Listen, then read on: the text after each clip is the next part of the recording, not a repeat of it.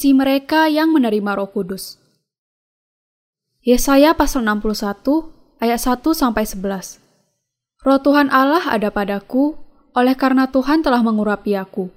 Ia telah mengutus aku untuk menyampaikan kabar baik kepada orang-orang sengsara dan merawat orang-orang yang remuk hati untuk memberitakan pembebasan kepada orang-orang tawanan dan kepada orang-orang yang terkurung kelepasan dari penjara untuk memberitakan tahun rahmat Tuhan dan hari pembalasan Allah kita untuk menghibur semua orang berkabung, untuk mengaruniakan kepada mereka perhiasan kepala ganti abu, minyak untuk pesta ganti kain kabung, nyanyian puji-pujian ganti semangat yang pudar, supaya orang yang menyebutkan mereka pohon terbanting kebenaran, tanaman Tuhan, untuk memperlihatkan keagungannya. Mereka akan membangun reruntuhan yang sudah berabad-abad dan akan mendirikan kembali tempat-tempat yang sejak dahulu menjadi sunyi. Mereka akan membaharui kota-kota yang runtuh, tempat-tempat yang telah turun-temurun menjadi sunyi. Orang-orang luar akan melayani kamu sebagai gembala kambing dombamu, dan orang-orang asing akan bekerja bagimu sebagai petani dan tukang tebun anggurmu. Tetapi kamu akan disebut imam Tuhan dan akan dinamai pelayan Allah kita. Kamu akan menikmati kekayaan bangsa-bangsa dan akan memegahkan diri dengan segala harta benda mereka. Sebagai ganti bahwa kamu mendapat malu dua kali lipat, dan sebagai ganti noda dan ludah yang menjadi bagianmu, kamu akan mendapat warisan dua kali lipat di negerimu, dan sukacita abadi akan menjadi kepunyaanmu. Sebab aku, Tuhan, mencintai hukum dan membenci perampasan dan kecurangan. Aku akan memberi upahmu dengan tepat dan akan mengikat perjanjian abadi dengan kamu. Keturunanmu akan terkenal di antara bangsa-bangsa, dan anak cucumu di tengah-tengah suku-suku bangsa, sehingga semua orang yang melihat mereka akan mengakui bahwa mereka adalah keturunan yang diberkati Tuhan. Aku bersukaria di dalam Tuhan, jiwaku bersorak-sorai di dalam Allahku, sebab ia mengenakan pakaian keselamatan kepadaku dan menyelubungi aku dengan jubah kebenaran, seperti pengantin laki-laki yang mengenakan perhiasan kepala dan seperti pengantin perempuan yang memakai perhiasannya. Sebab seperti bumi memancarkan tumbuh-tumbuhan, dan seperti kebun menumbuhkan benih yang ditaburkan, demikianlah Tuhan Allah akan menumbuhkan kebenaran dan puji-pujian di depan semua bangsa-bangsa. Apakah misi mereka yang menerima Roh Kudus? Mengabarkan Injil air dan Roh ke seluruh dunia. Apa yang harus dilakukan oleh seseorang yang telah menerima Roh Kudus? Ia harus mengabarkan Injil air dan Roh kepada semua orang. Allah mempercayakan Injil kelahiran kembali yang indah dari air dan roh kepada mereka yang telah menerima berdiamnya roh kudus. Mereka yang telah diampuni dosanya di hadapan Allah menerima roh kudus. Lalu mengapa menurut Anda Allah memberikan roh kudus kepada mereka? Untuk memberikan kepada mereka jaminan terakhir bahwa ia menjadikan mereka sebagai anak-anaknya. Ia memberikan roh kudus kepada mereka. Ia juga mengharapkan agar mereka menang atas iblis. Ia membuat mereka yang telah diampuni dosanya dan yang menerima berdiamnya Roh Kudus melakukan hal-hal ini.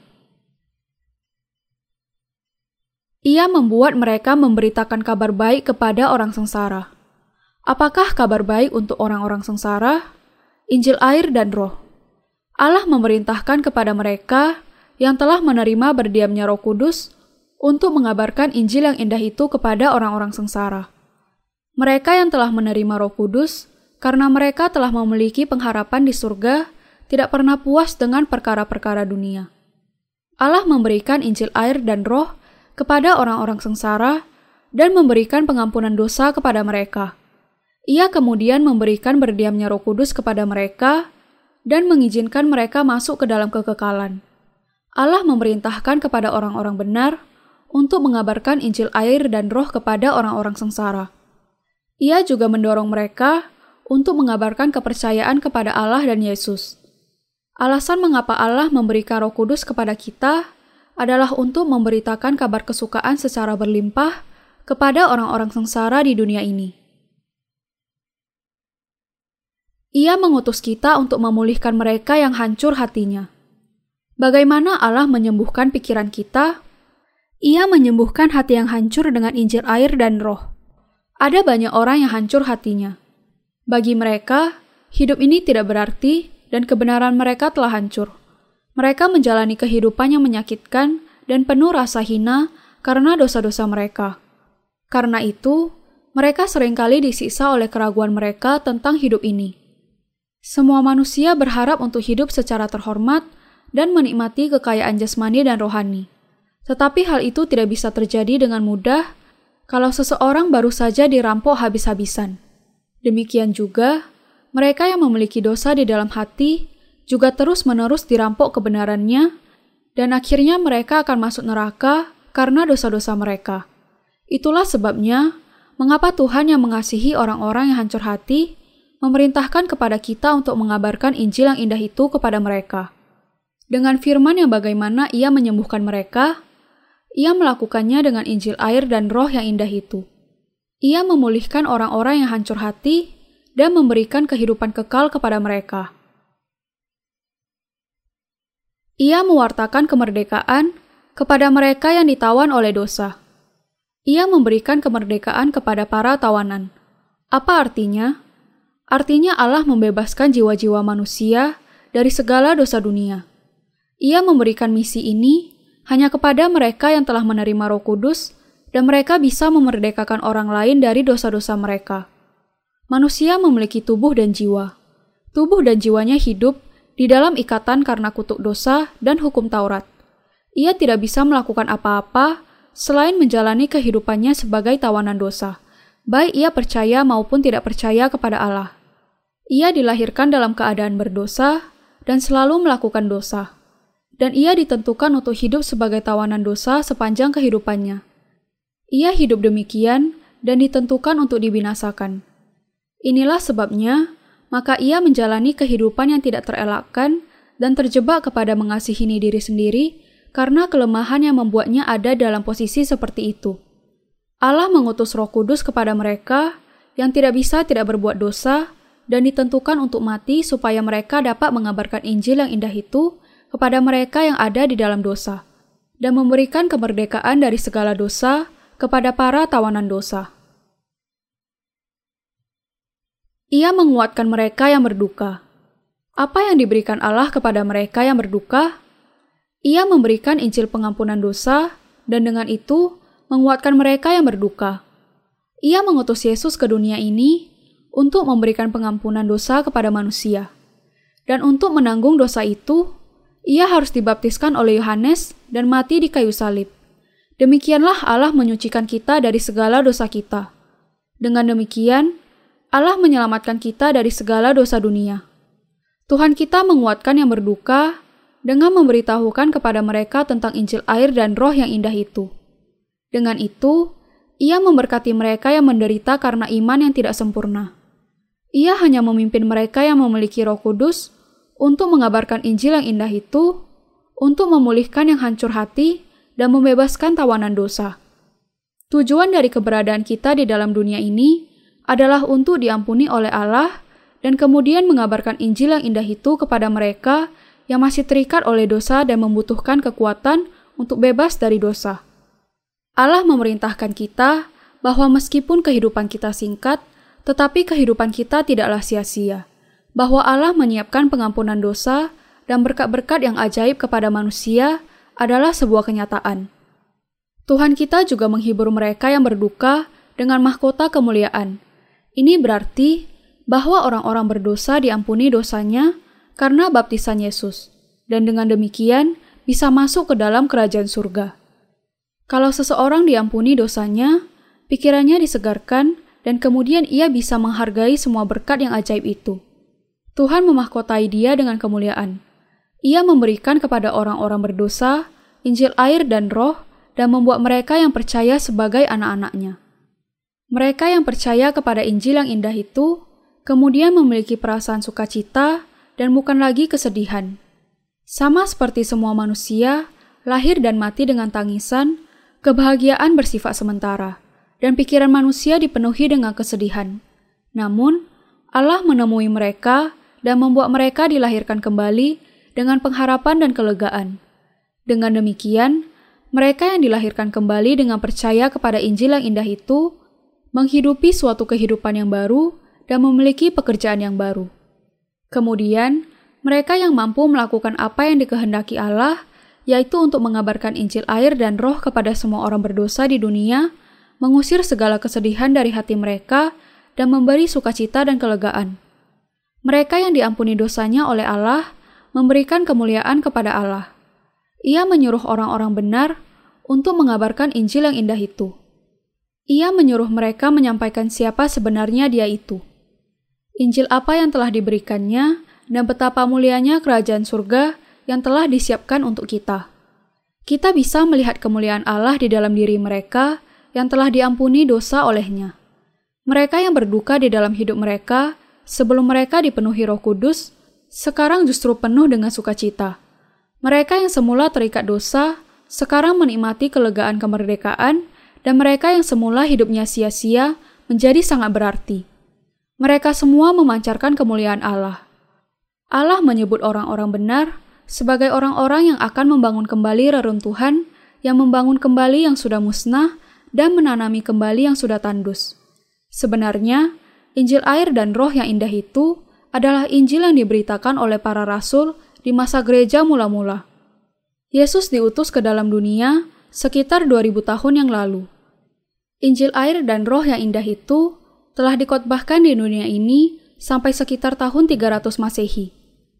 Injil yang diberitakan oleh orang-orang benar zaman ini adalah sama-sama Injil Roh Kudus yang diberitakan oleh para rasul di masa itu.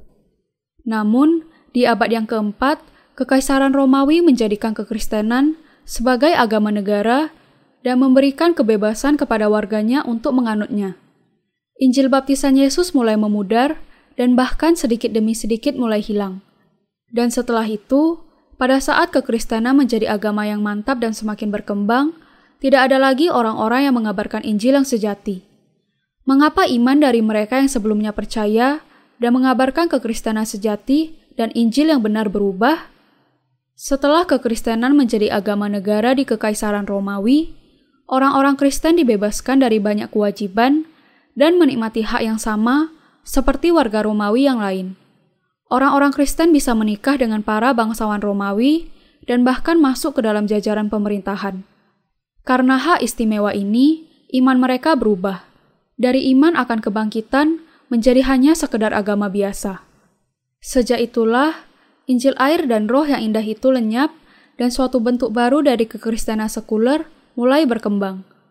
Allah memerintahkan kita, orang-orang Kristen zaman akhir yang hidup menjelang hari kedatangannya, untuk mengabarkan Injil air dan roh yang indah itu yang telah menjadi puing-puing selama ratusan tahun dan menyelamatkan manusia dari dosa-dosa mereka. Ia akan memulihkan Injil air dan roh yang indah itu yang diberitakan di masa para rasul. Injil di masa para rasul adalah Injil yang indah tentang baptisan Yesus dan darahnya di kayu salib. Ia memanggil kita, orang-orang yang akan membangun kembali reruntuhan kota. Ia membuat kita mendengar dan percaya kepada Injil air dan roh dan menjadikan kita pekerja di kebun anggurnya. Allah memberikan kepada kita misi yang sama seperti yang diberikannya kepada para rasul. Ia membuat Anda dan saya memberitakan Injil yang benar tentang air dan roh. Roh Tuhan Allah ada padaku, oleh karena Tuhan telah mengurapi aku. Ia telah mengutus aku untuk menyampaikan kabar baik kepada orang-orang sengsara. Allah membuat mereka yang telah menerima Roh Kudus mengabarkan Injil dan memberikan kepada kita Roh Kudus. Allah memahkotai kita dengan bunga, membuang semua kesedihan, dan memakaikan jubah pujian dengan memberikan kelegaan dan sukacita kepada kita. Mereka yang memiliki Roh Kudus di dalam hati mereka menaburkan benih Injil yang indah itu kepada orang lain yang menerima Dia.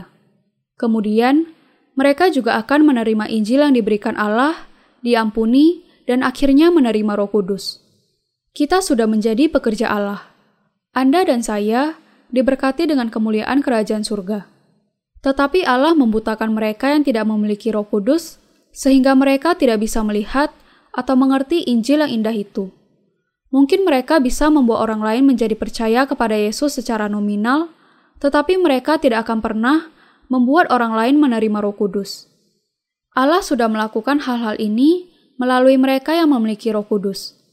Ia membuat mereka mengabarkan berita indah itu kepada orang-orang sengsara dan memulihkan yang hancur hatinya dengan Injil air dan Roh. Ia juga memberikan kemerdekaan sejati dan keselamatan kepada mereka yang ditawan oleh dosa dan menguatkan mereka yang berduka dengan Injil air dan roh yang indah itu. Ia membebaskan mereka yang ditawan oleh dosa karena kelemahan mereka, memberikan sukacita dan pengharapan, dan kemudian naik ke surga. Untuk itu, Roh Kudus yang berdiam di dalam kita membuat kita mengabarkan Injil air dan roh kepada semua manusia.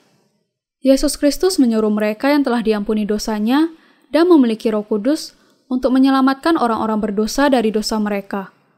Tuhan memberi kuasa kepada mereka yang didiami Roh Kudus untuk melakukan pekerjaannya. Kita adalah pekerjanya, orang-orang yang dipilih sebagai pekerja di kebun anggurnya gereja Allah. Kita adalah hamba-hambanya. Allah sudah memberikan berkat yang ajaib ini kepada kita.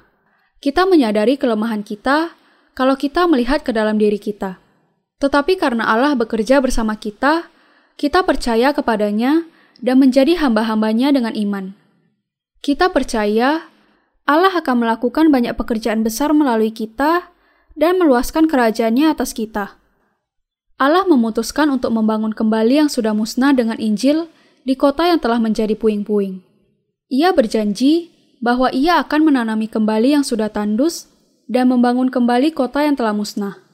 Saya percaya bahwa akan ada kebangkitan rohani karena Injil di dunia ini sekali lagi. Tetapi hal itu bukanlah semata kehendak saya.